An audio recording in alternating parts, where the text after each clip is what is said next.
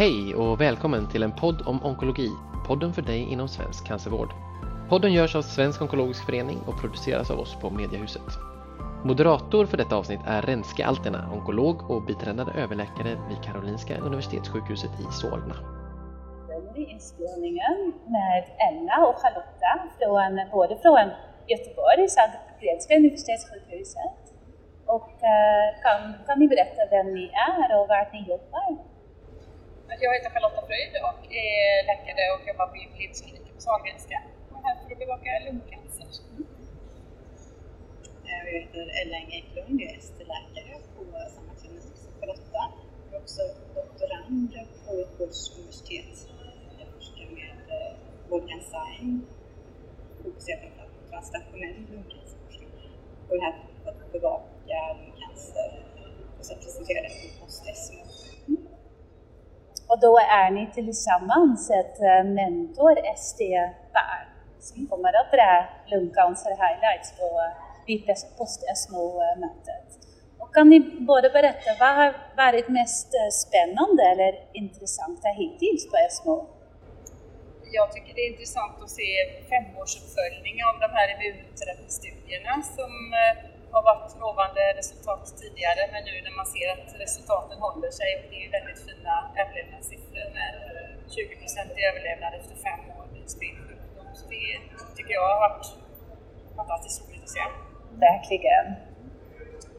Ja, för mig som inte jobbar så mycket kliniskt ännu med lungcancer så har det varit väldigt eh, intressant att se de TKI-studierna för EGFR och andra patienter. i lite tidigare stadium man kan få som adjuvantbehandling och se hur påverkat disease eh, free survival. Men sen eh, tycker jag också eh, i, i, i forskningen så är jag väldigt intresserad av de här molekylära profilerna på tumörerna och hur det påverkar behandlingsrespons. Det har ju blivit, just i lungcancer ligger man ganska långt fram i det med det här med precision medicine, att man har en hel del behandlingsalternativ för de mer vanliga mutationerna som finns. Och det tycker jag är intressant. Också resistensutvecklingen för de här teknologierna och hur komplext det också blir då i senare delar, senare behandlingsval. Mm. Mm. Avsnittet fortsätter strax, men först en kort hälsning från våra sponsorer. CGen är ett forskningsdrivet biotech som grundades i Seattle för 24 år sedan och nu, liksom då, är fokusområdet onkologi.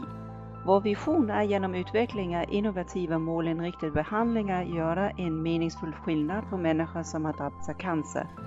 CGN är ledande inom ADC, det vill säga antikroppskonjugat, och företaget har hittills utvecklat fyra nya behandlingar som lanserats globalt. Hej, jag heter Joakim Alexandersson och jobbar som Public Affairs Manager på Tyska Mark i Sverige. Vi är ett ledande företag inom vetenskap och teknik med en gemensam vision att skapa, förbättra och förlänga människors liv. Cancersjukdomar har en stor inverkan på människor över hela världen. Därför satsar vi på Merck helhjärtat på att utveckla behandlingar för cancerdrabbade människor.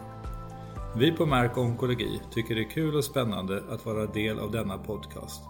Har ni frågor eller funderingar kring oss på Merck och vad vi gör så kontakta gärna mig via LinkedIn.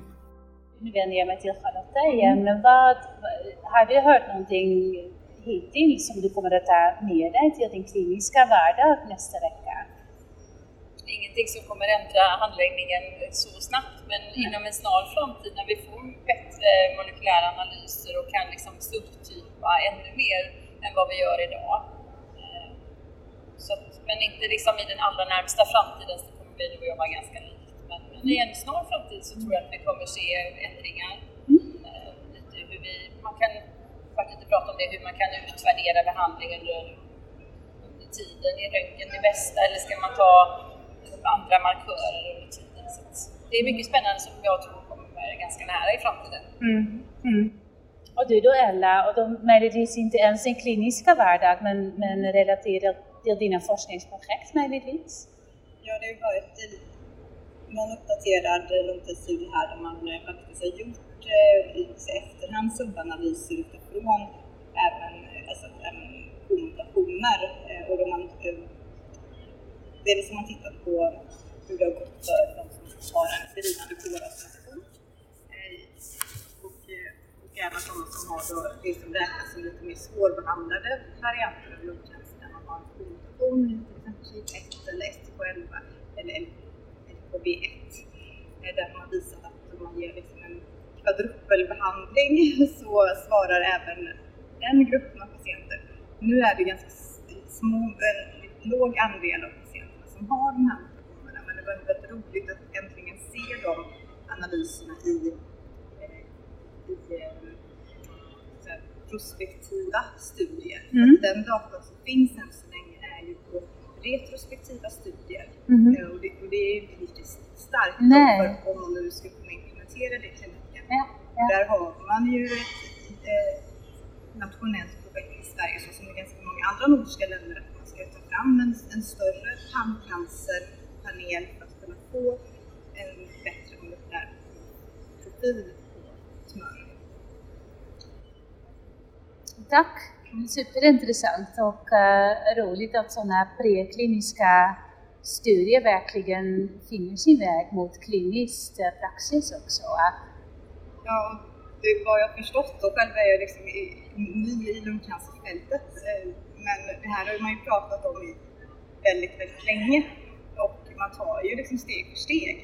Eh, men jag tror att framför allt med när man får de här större tandcancerpanelerna som man kan göra på ett liksom större antal patienter och göra med att det blir enklare och billigare. Det finns ju ganska mycket infrastruktur som fortfarande behöver lösas för att det är ju en helt annan typ av data som ska analyseras och tolkas. Men det tror jag ändå att Ja, det är ju meningen att man ska ha samma mål över hela Sverige. Det ja. finns ju tyvärr lite regionala skillnader idag, men det är ju målsättningen att alla ska ha tillgång till, till samma behandling. Ja. Men det är ju också så att det är fler patienter som lever längre och längre så det är fler och fler patienter som behöver göra undersökningar, som behöver ta nya prover. Det, det kommer ställas krav på sjukvården att, att ta hand om en större mängd patienter om man får lov att säga så, för att det helt enkelt finns så mycket nya bra behandlingar som gör att de lever längre och ja. bättre. Så det finns utmaningar inom flera dimensioner? Det finns det absolut. Ja. Ja. Det är ju också det här årets Ledord är ju sustainability, alltså hållbar utveckling. Ja.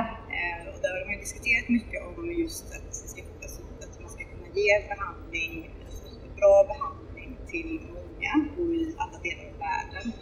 Och att vi där kanske behöver fundera lite grann dels på de här dyra behandlingarna, ges de optimalt eller kan man ge dem på något annat sätt? Det var en väldigt eh, intressant session i början av konferensen där man jämförde så olika PD-1-antikropparna, för det finns ju många på marknaden. Mm. De hade gjort en sammanställning bara på hur olika lång halveringstid de har och då var det ett spann från 6 till 29 dagar. Man pratar också mycket om doserna. Man, nu så ger man ju maximalt tolerabel dos och inte minsta effektiva dos. Och det är ju också en, en kostnadsfråga och en tillgänglighetsfråga. Vi har ju ändliga resurser, både ekonomiskt men även i råvaror så som behövs för detta det, har ju, det är väl ett av orden som har återkommit nu också i konferensen, just sustainability, eh, på många nivåer. Ja. Eh, och just att kunna, kan man ge en lägre dos på samma resultat eller kan man ge det, i, ge det mer sällan, liksom inte varannan vecka, man kan ge det var fjärde vecka. Det ger ju också mindre tryck på logistiken och sjukvården. Mm. Eh, det, är ju så, det, det finns ju behov av det i många länder. Och det är ju ur ett patientperspektiv också relevant om man har mindre biverkningar eller kommer till sjukhuset mindre ofta. Precis, det är livs, eh, livskvalitetsfaktor. Ja, ja, ja. Då är min sista fråga om vad, vad är ert buzzword eller modeord här på ESMO i år? Molecular profiling är väl ett av dem i alla fall. Kombinationsbehandling. Ja. ja. Vad fint! Men stort tack Ella och Charlotta att ni ville vara med. Tack! Mm, tack så mycket! Tack själv! Tack.